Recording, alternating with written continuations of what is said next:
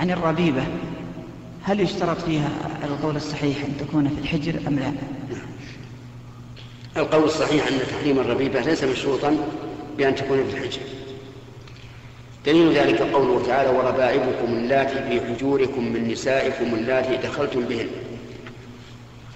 فذكر الله تعالى وصفين اللاتي في حجوركم الثاني من نسائكم اللاتي دخلتم بهن.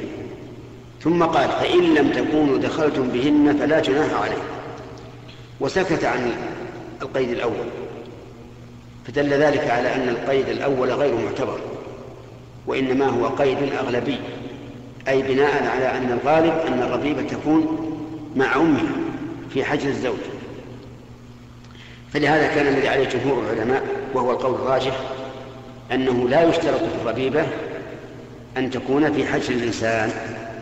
بل لو لم تأتي إلا بعد أن طلق أمها فهي ربيبة إذا كان قد دخل بالأم. ولو كانت مثلا من زوج سابق ولا, ولا, ولا تعرف الزوج الثاني ولا كانت عنده فهي أيضا حرام عليه. فهي حرام عليه. الثاني سيف أجبت عليه هو إذا كانت طلقها. لكن اسمح لي سؤال آخر بدل هذا لا لا. آه طيب. شيخ لكن هنا سؤال. رجل عقد على امرأة عقدا صحيحا.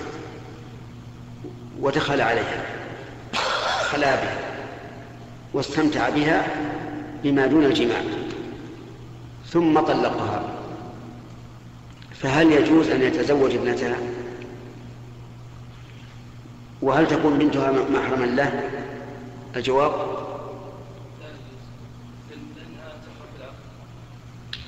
لا. يجوز. لأن الله قال فإن لم تكونوا دخلتم بهن أي جامعتموهن فلا جناح عليكم. وعلى هذا فتكون هذه البنت أعني بنت المطلقة التي خلا بها زوجها ولكن لم يجمعها تكون حلالا له من جهة النكاح له أن يتزوجها. و و ولا تكشف له لأنها ليست من محارمه وهذه مسألة قد تخفى على كثير من الناس.